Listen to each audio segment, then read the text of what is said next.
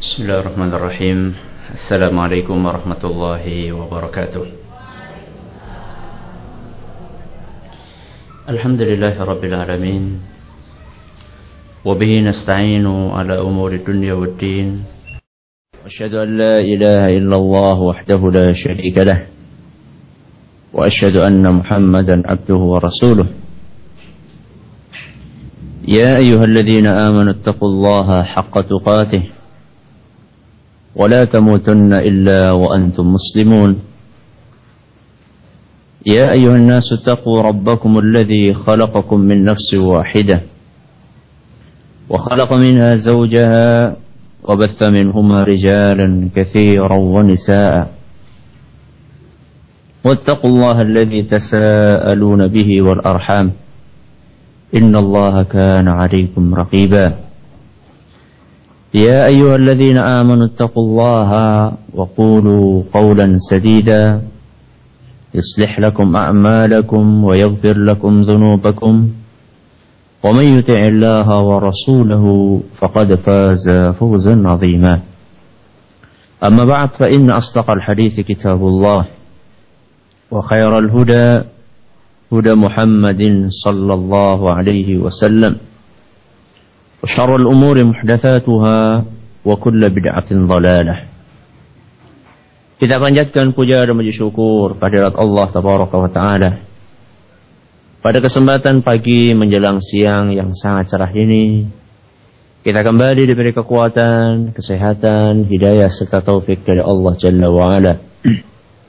Sehingga kita bisa kembali menghadiri pengajian rutin Senin pagi di pondok pesantren tunas ilmu di desa Kedongguruh Purbalingga ini. Kita berharap semoga Allah tabaraka wa taala berkenan untuk melimpahkan kepada kita semuanya ilmu yang bermanfaat sehingga bisa kita amalkan sebagai bekal untuk menghadap kepada Allah Jalla wa Ala. Amin ya rabbal alamin. Salam dan salam Semoga senantiasa tercurahkan kepada junjungan kita Nabi besar Muhammad sallallahu alaihi wasallam kepada para sahabatnya, keluarganya dan umatnya yang setia mengikuti tuntunannya hingga hari akhir nanti. Ibu-ibu sekalian yang kami hormati dan juga segenap pendengar Radio Bas FM di Solo Tigo dan sekitarnya, juga para pendengar Radio Roja di Jakarta, di Bandung, di Lampung, dan di mana pun Anda berada. Pada kesempatan kali ini, kita akan melanjutkan pembahasan tentang kriteria istri idaman. Di mana pada sekian pengajian yang telah lalu, kita sudah membahas tentang kriteria yang pertama hingga kriteria yang kesembilan. Pada kesempatan kali ini kita insya Allah akan mempelajari kriteria yang ke-10. Dan ini adalah merupakan salah satu kriteria yang banyak para istri belum bisa untuk mempraktekannya atau merasa kesulitan untuk mempraktekannya. Dan sering kali sebuah rumah tangga kisruh atau timbul polemik di antara suami istri gara-gara kurang dipenuhinya kriteria yang ke-10 ini. Apakah kriteria tersebut? Kriteria yang ke-10 adalah pandai untuk menempatkan diri di dalam keluarga besar istri dan keluarga besar siapa? Suami. Ini kriteria yang ke-10. Jadi jika Anda ingin menjadi seorang istri idaman, pintar-pintarlah membawa diri. Pandai-pandailah menempatkan diri di dalam keluarga besar siapa? Keluarga besar panjenengan dan juga keluarga besar suami panjenengan. Hal pertama yang perlu disadari oleh semua pihak.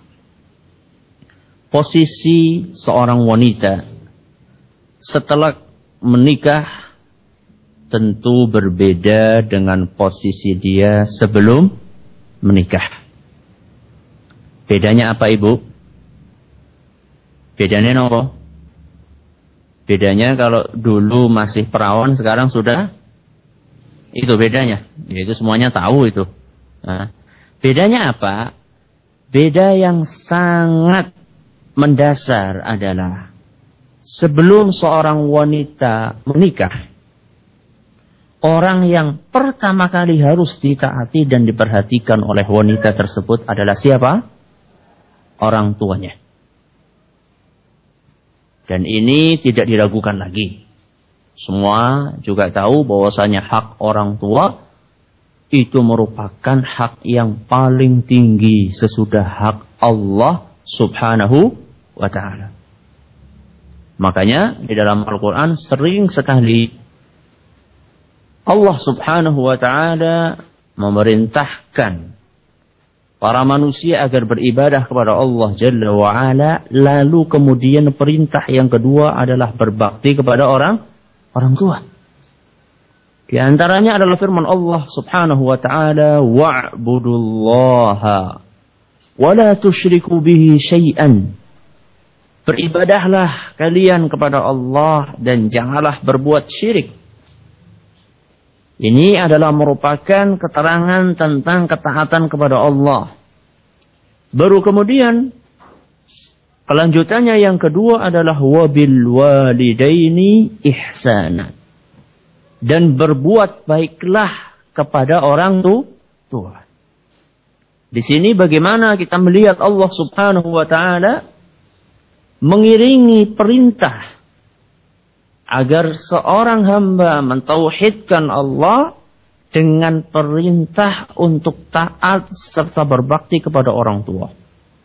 Ini menunjukkan betapa tingginya kedudukan orang tua di dalam agama kita di mana Allah Subhanahu wa taala meletakkan kewajiban untuk berbakti kepada orang tua langsung setelah kewajiban untuk beribadah kepada Allah Tabaraka wa taala.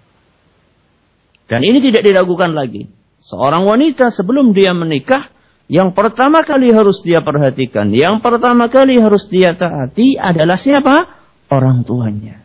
Itu sebelum dia menikah.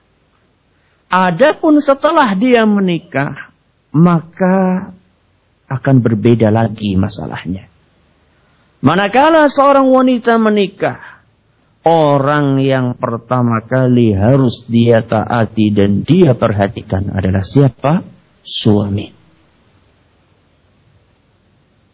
Inilah perbedaannya. Salah satu perbedaan mendasar antara wanita sebelum menikah dengan setelah dia menikah, siapakah orang yang pertama kali harus dia taati dan dia perhatikan. Sebelum menikah, dia harus memperhatikan dan mentaati orang tuanya. Namun setelah menikah, orang yang pertama kali harus dia perhatikan dan dia taati adalah sang suami. Apa dalilnya? Dalilnya adalah sabda Nabi Shallallahu Alaihi Wasallam dalam sebuah hadis yang diriwayatkan oleh Imam At-Tirmidzi. Dan beliau atau Syekh Al-Albani menyatakan hadis ini hasan sahih. Kata Nabi Shallallahu Alaihi Wasallam, "Lau kuntu amiran li ahadin an yasjuda li ahad." Seandainya aku boleh untuk memerintahkan seseorang bersujud kepada orang lain, la amaratul mar'ata an tasjuda li zawjiha. Niscaya aku akan perintahkan seorang istri untuk sujud kepada siapa? Suami. Bukan kepada orang tu, orang tua. Bukan kok boleh. Bukan kok boleh sujud kepada siapa? Suami. Cuman di sini Nabi kita Shallallahu Alaihi Wasallam ingin menggambarkan betapa besar haknya suami atas istri. Sehingga andaikan andaikan diperbolehkan seorang istri oh, seorang seorang hamba untuk sujud kepada hamba yang lain, niscaya yang diperintahkan adalah seorang istri untuk sujud kepada suami. Jadi di sini ibu-ibu yang kami hormati menunjukkan bahwasanya orang yang pertama kali harus ditaati oleh seorang istri adalah suami dia. Makanya Syekhul Islam Ibn Taimiyah menjelaskan seorang wanita apabila telah menikah maka suaminya lebih berhak terhadap dirinya dibandingkan kedua orang tuanya. Dan mentaati suami kata beliau lebih wajib daripada mentaati orang tu orang tua. Ini hal pertama yang harus difahami. Dan masalah ini perlu dipahami oleh seluruh pihak. Perlu dipahami oleh pihak suami, perlu dipahami oleh pihak istri, dan juga perlu dipahami oleh keluarga suami dan keluarga istri. Dan ini seorang wanita manakala dia menikah, maka dia telah memasuki keluarga baru yang dia bina beserta suaminya. Maka, wahai para orang tua, berilah kesempatan kepada kedua putra-putri panjenengan. Karena mereka saat itu sedang belajar untuk menjadi seorang bapak dan belajar menjadi seorang ibu. Berilah mereka kesempatan. Berilah mereka peluang untuk belajar. Yang namanya belajar ya kadang-kadang keliru niku wajar napa mboten Bu? Wajar. Seperti anak kecil ya Bu. Anak kecil lagi latihan berjalan. Apa ada anak kecil latihan berjalan tidak pernah jatuh? Wonten apa mboten? Tidak ada. Mesti yang namanya anak kecil latihan berjalan dia akan akan jatuh bangun jatuh bangun malah kadang-kadang sampai ber berdarah kadang-kadang sampai kepalanya benjol kadang-kadang sampai kakinya mungkin keseleo itu manusiawi wajar yang namanya orang belajar kadang-kadang kadang-kadang salah kadang-kadang jatuh dan bangun Justru itulah fase di mana putra-putri panjenengan itu berusaha untuk mengasah kedewasaan dan kemandirian mereka. Ini perlu dipahami oleh orang tua. Maka sejatinya campur tangan orang tua yang terlalu besar dalam masalah rumah tangga anaknya justru merupakan salah satu faktor penghalang kebahagiaan anak-anak mereka.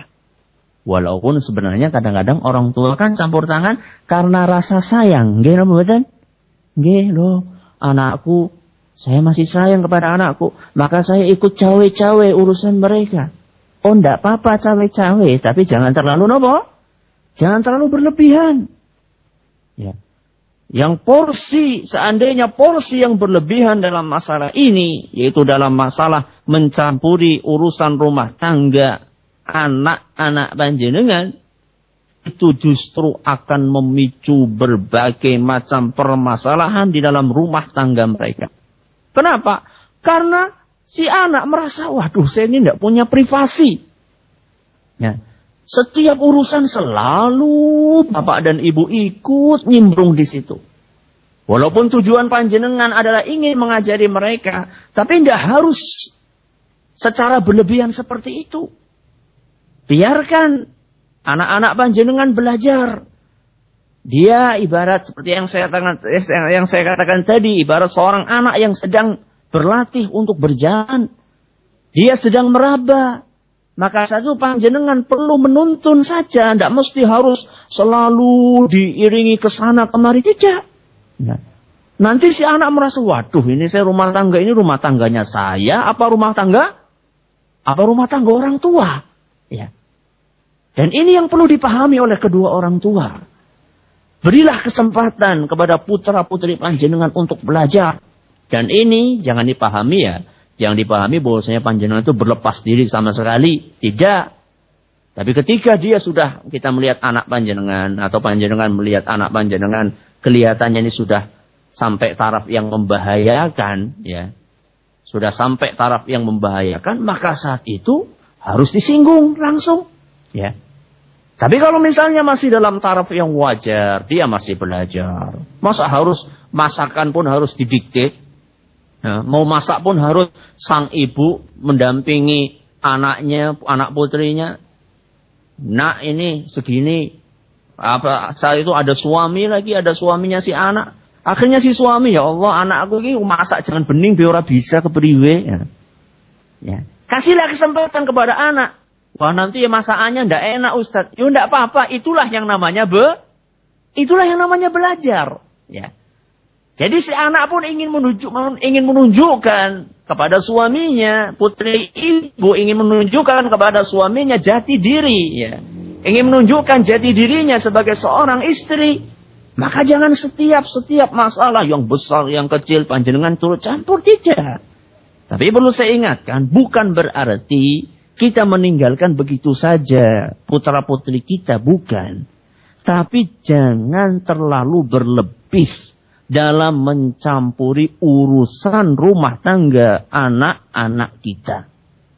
Dan ibu sebagai dan ibu Anda sebagai seorang istri, ketahuilah bahwasannya ketergantungan yang terlalu berlebihan kepada ayah ibu beserta kakak-kakak dan saudara-saudaramu di dalam setiap masalah rumah tangga yang besar maupun yang kecil, itu justru menunjukkan ketidakmatangan Anda di dalam kepribadianmu. Kadang-kadang yang namanya seorang wanita baru nikah, ya, baru mengalami alam lain, baru memasuki dunia lain, baru memasuki rumah tangga yang baru, setiap ada masalah selalu lapor. Lapor kepada siapa? Lapor kepada bapak. Kalau tidak ketemu bapak, lapor kepada ibu. Nggak ketemu ibu, lapor kepada mamas. Nggak ketemu, lapor kepada mbah. Jadi setiap ada permasalahan orang tua, keluarga, mamas, adik, pak de, bude, pak le, bule, semuanya tahu. Jadi seakan-akan kayak ada apa itu CCTV ya. Seakan-akan ada CCTV di rumah. Sehingga CCTV itu bisa dilihat oleh semua keluarganya istri. Seandainya ada seorang istri yang seperti itu, setiap urusan rumah tangganya selalu disampaikan kepada keluarga dia, kepada bapaknya, kepada ibunya, kepada kakaknya, kepada kakeknya, kepada neneknya, itu justru menunjukkan bahwasanya wanita tersebut belum matang kepribadiannya. Dan itu justru bukti bahwasanya wanita tersebut belum siap untuk menjadi istri, apalagi menjadi nopo, apalagi menjadi i, ibu. Karena apa? Karena dia belum bisa mandiri. Ya.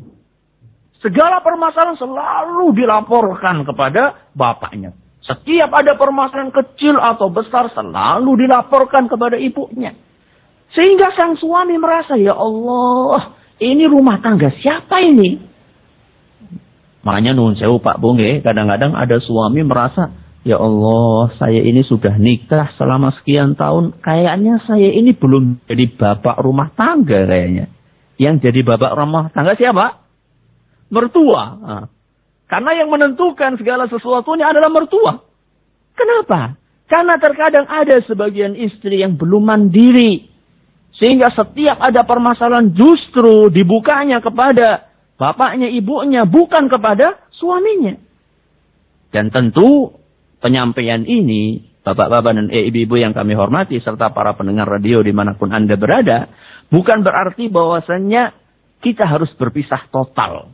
Ya, tidak. Rumah tangga yang baru itu bukan berarti berpisah total dengan orang tua dan mertua, tidak. Tali silaturahmi harus tetap dipelihara. Hubungan yang baik juga harus tetap dijaga.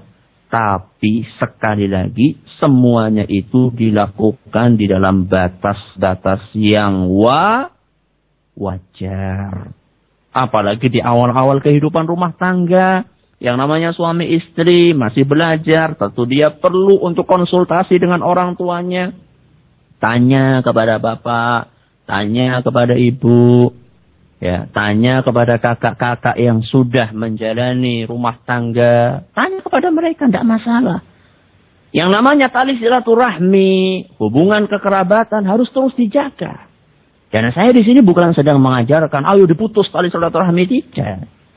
Tapi lakukan silaturahmi itu dengan batas wajarnya. Makanya yang paling ideal sebenarnya, yang paling ideal sebenarnya, manakala seorang suami istri sudah menikah, yang paling ideal rumahnya tidak satu dengan rumah siapa? Dengan rumah orang tua. Tapi hal ini sering kali terkendala apa? Terkendala biaya. Sehingga lebih enak tinggal di rumah mertua indah. Nah, tinggalnya di mana mas? Di perumahan mertua indah. PMI. Perumahan mertua indah. Sebenarnya idealnya kalau memang punya duit ya. Kalau memang punya duit dan orang tua saat itu mungkin dia sudah bisa tidak harus ditunggui ya. Maka saat itu lebih baik seorang suami istri dia punya rumah sendiri. Kenapa? Karena privasinya akan lebih terjaga. Belum lagi kalau sudah bicara masalah pendidikan anak. Nun sewu nggih mungkin banyak di antara ibu-ibu sekalian dan di antara para pendengar radio Bas dan juga radio Roja di mana pun Anda berada, banyak di antara para pendengar dan juga ibu-ibu sekalian itu telah menjadi kakek dan ne dan nenek. Kadang-kadang yang namanya kakek dan nenek ketika sama cucunya kasih sayang itu sangat besar. Sehingga apa pun yang diminta oleh cucu mesti dikabulkan. Ini sejatinya ibu-ibu yang kami hormati. Itu justru mengganggu proses pendidikan si anak itu sendiri. Karena Anda perlu tahu bahwasannya bapak ibu si anak itu alias bapak ibu cucu panjenengan. Mereka mungkin sudah punya komitmen. Nah, sudah punya komitmen dengan anaknya nak kamu belum Bapak belikan sepeda kalau kamu belum hafal Al-Quran berapa juz misalnya. Ternyata karena si anak ngerengek, ngerengek, ngerengek, ngerengek terus si kakek dan si nenek ndak apa? Aduh, ndak tega. Akhirnya dibelikan apa? Sepeda. Padahal si orang tua sudah punya komitmen. Dia ingin belikan sepeda tapi syaratnya ada. Syaratnya si anak ini perlu hafal Al-Quran berapa juz misalnya. Karena si orang tua ingin anaknya hafal Al-Quran. Sehingga program orang tua buyar. Program orang tua buyar karena apa? Karena ada campur tangan tangan ketiga. Ini yang perlu dipahami. Maka kasih sayang seorang kakek atau seorang nenek kepada anak ini bagus. Tapi harus disesuaikan dengan apa yang diinginkan oleh orang tua terhadap anaknya. Maka dari situlah idealnya manakala seorang suami istri sudah berumah tangga, idealnya dia punya rumah rumah rumah sendiri, tempat tinggal sendiri walaupun harus ngon ngontrak. Ya. Akhirnya jadi apa? Jadi kontraktor. Karena rumahnya apa? Ngontrak terus.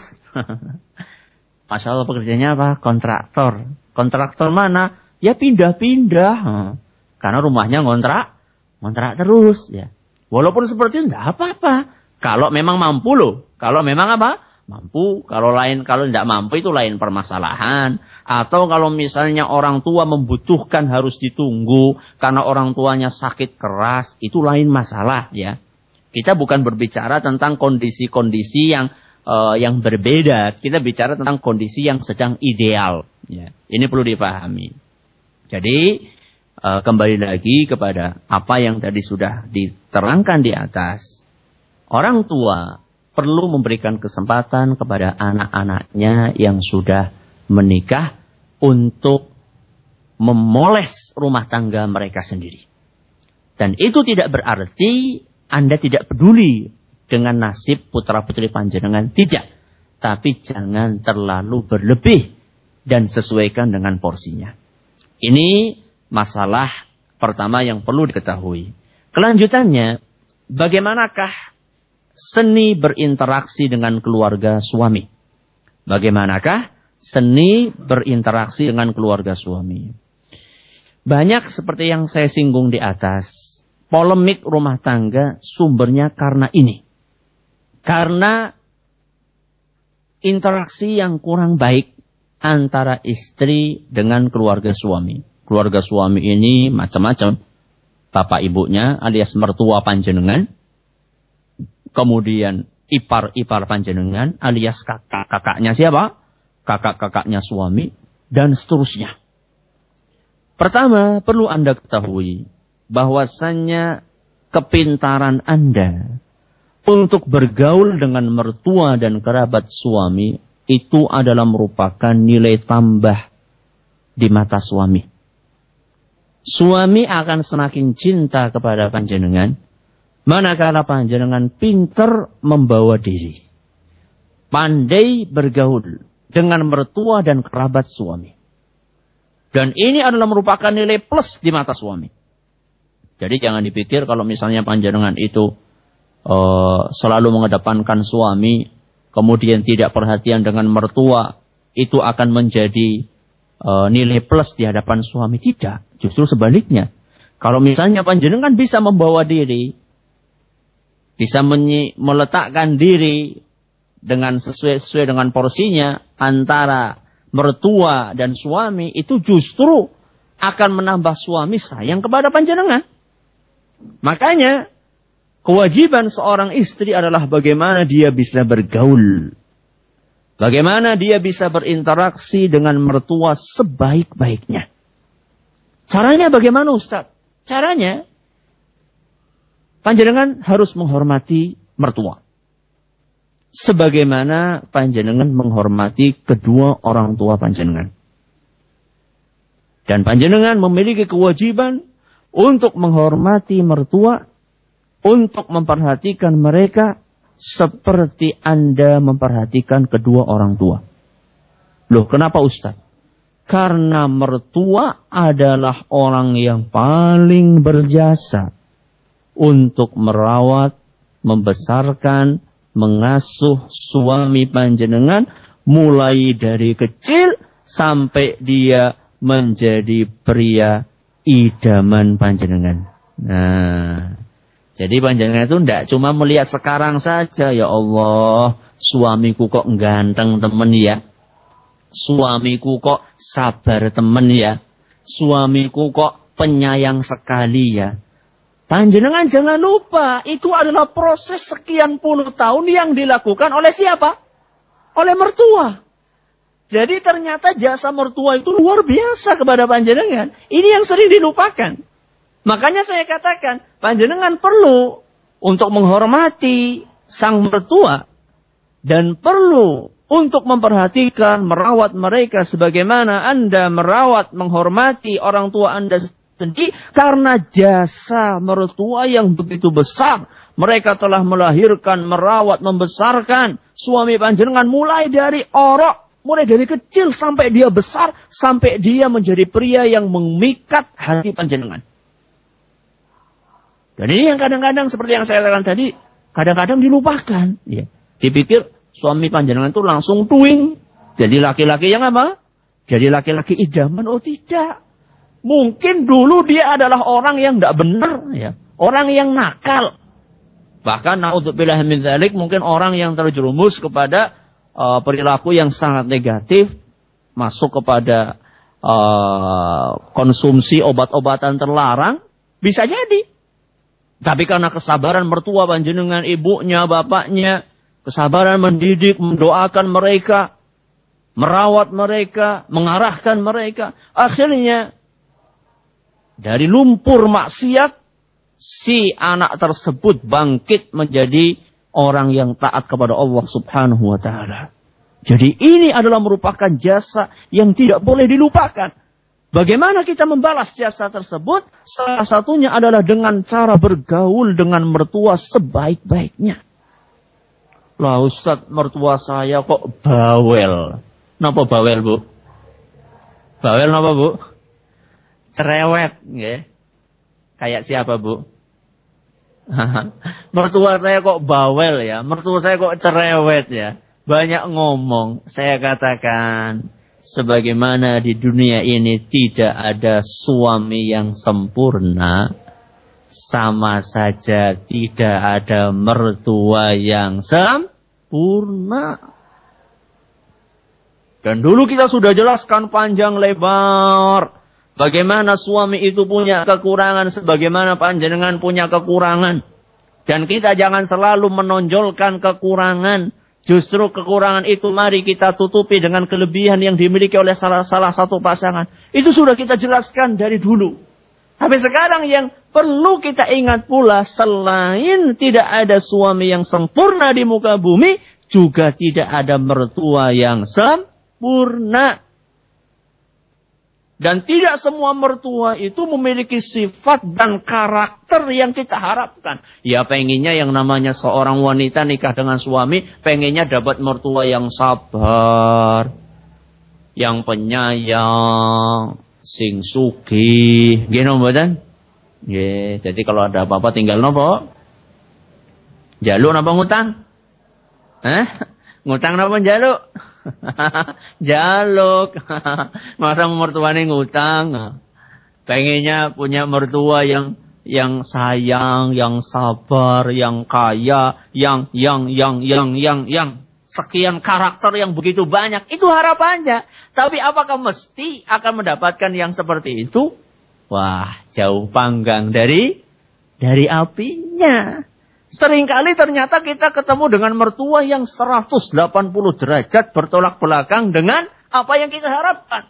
Pengennya menemukan mertua yang rajin ibadah. Ternyata mertua nama ratau sholat.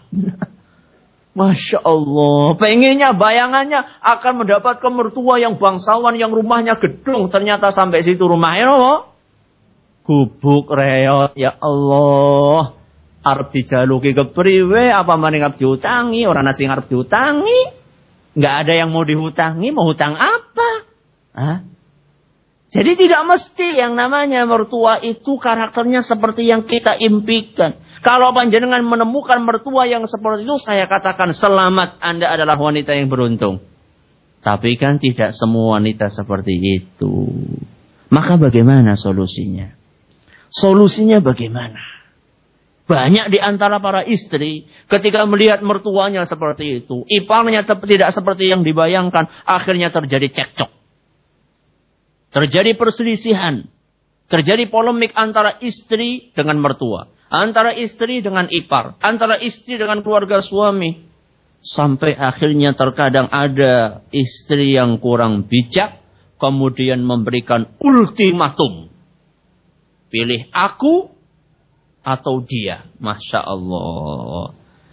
Ini sudah kayak hakim saja ini. Mas, kamu ini pilih siapa? Kalau pilih aku, ceraikan orang tua kamu. Masya Allah. Kalau pilih orang tua, ceraikan aku. Tidak boleh seperti itu. Ya. Seorang istri yang bijak, tidak seperti itu caranya. Ya. Seorang istri yang bijak, dia harus memikirkan matang-matang setiap sikap yang dia keluarkan. Terus bagaimana Ustaz caranya? Menyikapi orang, apalagi menyikapi mertua. Kuncinya adalah harus mengedepankan kesabaran dan kelembutan. Jadilah orang yang sabar Kata Allah Subhanahu wa taala, "Innallaha ma'as sabirin." Sesungguhnya Allah itu bersama dengan orang-orang yang yang sabar. Masya Allah, kalau panjenengan sudah bersama Allah, apa pun kebutuhan yang panjenengan butuhkan akan dipenuhi Allah Subhanahu wa taala. Dan pahalanya luar biasa. Innama yuwaffas sabiruna ujurahum bighairi hisab. Sesungguhnya orang-orang yang sabar itu akan mendapatkan pahala yang tidak terhitung. Tidak ada batasnya. Ada sebagian orang, wah sabar. Sabar itu identik dengan diinjak-injak. Oh tidak bu. Ya, ada sebagian orang mengatakan, wah sabar, masa sabar. Dari dulu sampai sekarang sabar. Sabar itu sekali dua kali. Kalau sudah tiga kali tidak perlu apa? sabar. Tidak betul. Ya. Ada istilah sabar itu ada ba batasnya. Loh kalau misalnya sabar ada batasnya berarti pahalanya juga ada ba batasnya. Kalau panjenengan ingin mendapatkan pahala yang tidak berbatas, bersabarlah panjenengan terus. Tapi bukan berarti bersabar itu diam ya Bu ya. Jangan dipahami. Saya tidak berbicara tentang sabar yang sifatnya uh, tidak aktif. Ya. Sabar yang pasif bukan itu maksud saya. Ya. Sabar yang aktif yang saya maksudkan. Sabar sambil terus berusaha untuk memperbaiki. Bukan hanya sabar diam saja. Tidak. Ya, bukan itu yang saya maksud. Tapi panjenengan sabar mengendalikan emosi. Ketika orang tua berkata dengan kata-kata yang kasar, panjenengan tahan. Tahan nafsunya, tahan emosinya. Dan sikapilah mereka dengan sikap yang lembut. Bertutur katalah dengan tutur kata yang baik. Wajar ibu-ibu yang kami hormati seandainya orang tua kadang-kadang keluar kata-kata yang mungkin tidak enak didengar. Tolonglah dipahami orang tua itu sudah sepuh. Mertua panjenengan sudah sepuh. Mungkin kadang-kadang sudah rodo pikun. Ya. Mungkin kadang-kadang dia keluar kata-kata yang tidak enak di telinga. Lupakanlah kesalahan tersebut. Maafkan mereka. Kata Allah subhanahu wa ta'ala dalam Al-Quran. Khudil afwa. Jadilah engkau pemaaf. Jadi kalau orang memaafkan, dia itu justru derajatnya di mata Allah akan semakin tinggi. Sebagian orang mengira kalau memaafkan itu nanti derajatnya akan turun. Tidak. Justru semakin orang memberi maaf, derajatnya akan semakin tinggi di sisi Allah subhanahu wa ta'ala.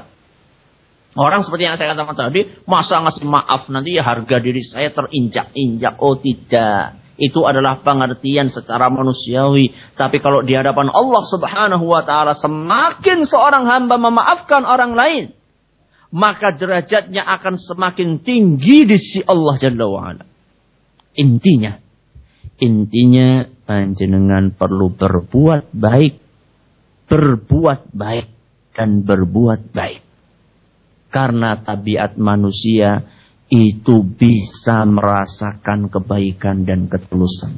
Mungkin tahun pertama orang tua atau mertua panjenengan belum merasakan ketulusan panjenengan.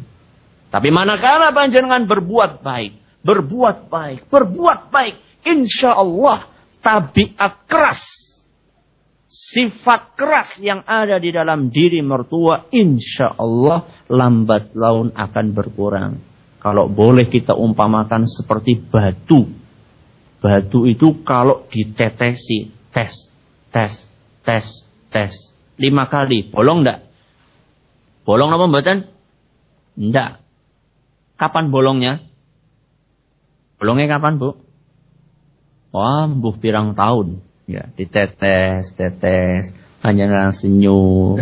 Panjangan berbuat baik kepada soal kepada mertua, tanya, Bu, butuh apa? Suka masakan apa? Bu, sakit, gerah, apa perlu saya pijeti? Bu, perlu air hangat, saya masakkan. Ya, dengan lembut. Tanya kepada orang tua, kepada mertua, apa yang Anda butuhkan? Mungkin suatu ketika seperti yang saya katakan tadi, orang tua keluar kata-kata yang tidak enak, yang menyakitkan. Maka saya itu cobalah panjenengan berbuat baik, memaafkan, ya. Jangan selalu dipendam. Yang namanya masalah kalau dipendam terus lama-lama nanti panjenengan yang stres. Ya, karena masalah kok dipendam, masalah dipelihara, tidak usah. Ya, ngapain melihara masalah? Lepaskan saja masa itu, maafkan, lupakan. Ya, malah justru kalau panjenengan melupakan masalah-masalah seperti itu, malah panjenengan akan lebih ringan menghadapi urusan rumah tangga yang sedang panjenengan kayuh insya Allah. Dan ketahuilah bahwa kesabaran seorang istri di dalam bergaul dengan keluarga suami insya Allah akan mendatangkan pahala dari Allah subhanahu wa ta'ala dan keridhaan dari siapa? Dari suami insya Allah. Sampai di sini pengajian kita pada kesempatan kali ini. Dan sebelum kita buka pintu pertanyaan, Dulu pernah ada yang tanya dari pendengar radio tentang keutamaan punya anak perempuan. Tentang keutamaan punya anak perempuan. Saat itu saya katakan saya tidak ingat hadisnya, ini sudah saya temukan. Hadisnya sahih diriwayatkan oleh Imam Muslim di mana Rasulullah Shallallahu alaihi wasallam bersabda, "Man 'ala jariyataini hatta tablugha." Barang siapa yang merawat dua anak perempuan, barang siapa yang merawat, menafkahi dua anak perempuan sampai keduanya balik, sampai keduanya nopo? Balik Ja'a yawmal qiyamati ana wa huwa wa dhamma asabi'ahu. Orang tersebut yang sudah merawat dua anak perempuan sampai balik akan datang pada hari kiamat bersama aku seperti dua jari. Ya, dua jari yang saking apanya? Saking dekatnya. Saking dekatnya akan datang pada hari kiamat berjalan di sampingnya siapa? Rasulullah Shallallahu Alaihi Wasallam. Ini keutamaannya. Jadi ada keutamaan punya anak perempuan, tapi bukan berarti lo Ustaz anakku lanang kabeh. Kayak anak Ustaznya telu lanang kabeh. Ini gimana Ustaz? Apa ndak dapat pahala? Oh ya dapat pahala. Ya, dapat pahala jelas. Mendidik anak itu dapat pahala. Cuman ini ingin menggambarkan uh, pahala atau keistimewaan punya anak perempuan dan bahwasanya kata orang uh, mendidik anak perempuan itu lebih sulit daripada mendidik anak laki-laki. Lebih membutuhkan kesabaran. Katanya, wong saya tidak pernah, eh belum punya anak perempuan sih, jadi saya tidak tahu. Anak saya pertama, kedua, ketiga laki-laki semuanya. Kata orang mendidik anak perempuan lebih sulit, ya. Ya mungkin karena itulah kemudian mendapatkan keistimewaan yang tadi disebutkan oleh Nabi kita Muhammad Sallallahu Alaihi Wasallam. Silahkan ada yang bertanya. Baik Ustaz, jazakallah khairan dari Radio Bahasa FM Salatiga dari pendengar Umu Arsyad yang ada di Blora. Assalamualaikum Ustaz. Semoga Allah Azza wa Jalla senantiasa mengamati Anda dan keluarga. Ustaz terkait dengan kesabaran, mengapa sulit sekali untuk mengaplikasikan kesabaran kepada keluarga terutama kepada anak, padahal sudah berusaha dengan kuat untuk belajar sabar tetapi selalu gagal di tengah jalan. Mohon solusinya Ustaz dan apakah ada doa untuk kesabaran Ustaz? Tafadil Ustaz. Uh, pertanyaannya sulit banget mengaplikasikan kesabaran. Napa angel, Bu? Angel, Bu? Jadi pada baik. Sama, saya juga merasa sulit. Ya, sulit kan tidak berarti tidak bisa. Beda antara sesuatu yang sulit dengan sesuatu yang mustahil. Tidak mustahil. Kalau misalnya Anda penanya mengatakan, saya selalu gagal dalam melatih kesabaran, tidak benar. Saya yakin tidak. Itu cuma kesuksesan yang ter tertunda.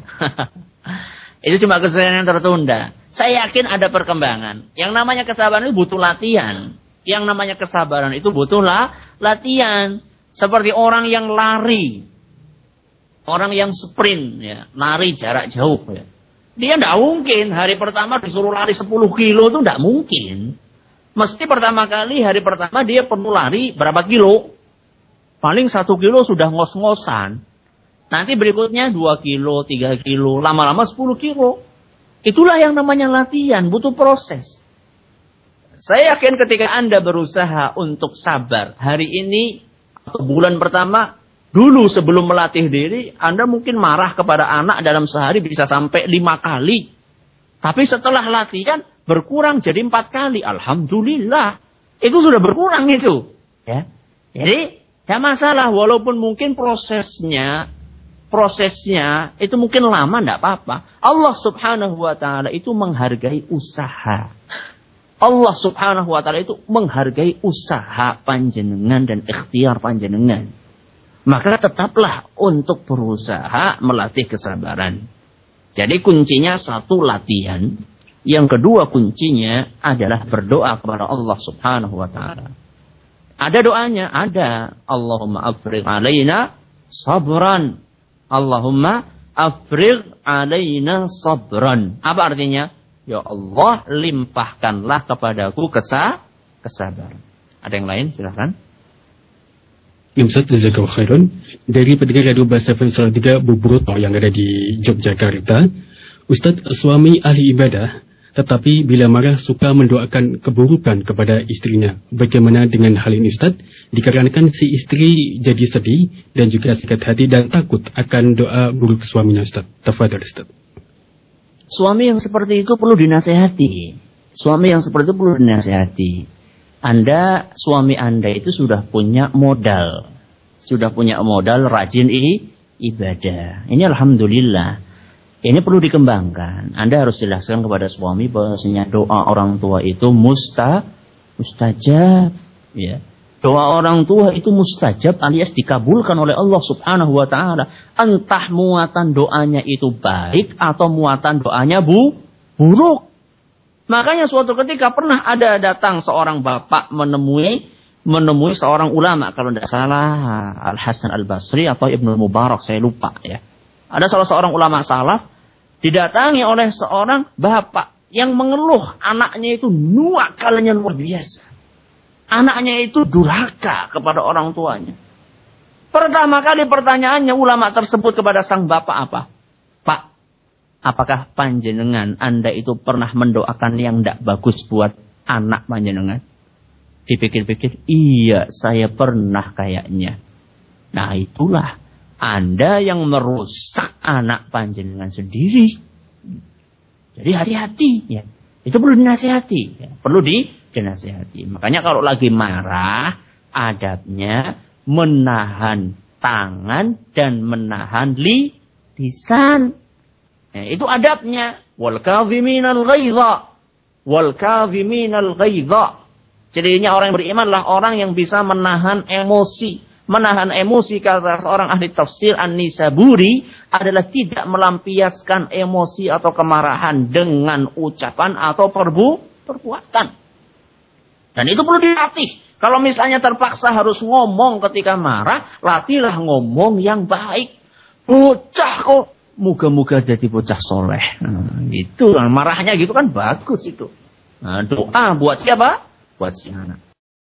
Sampai di sini pengajian kita pada kesempatan kali ini. Terima kasih atas perhatiannya. Mohon maaf atas segala kekurangannya. Kita tutup. Subhanakallahumma wa bihamdika. Asyhadu an la ilaha illa anta. Astaghfiruka wa atubu ilaik. Wassalamualaikum warahmatullahi wabarakatuh.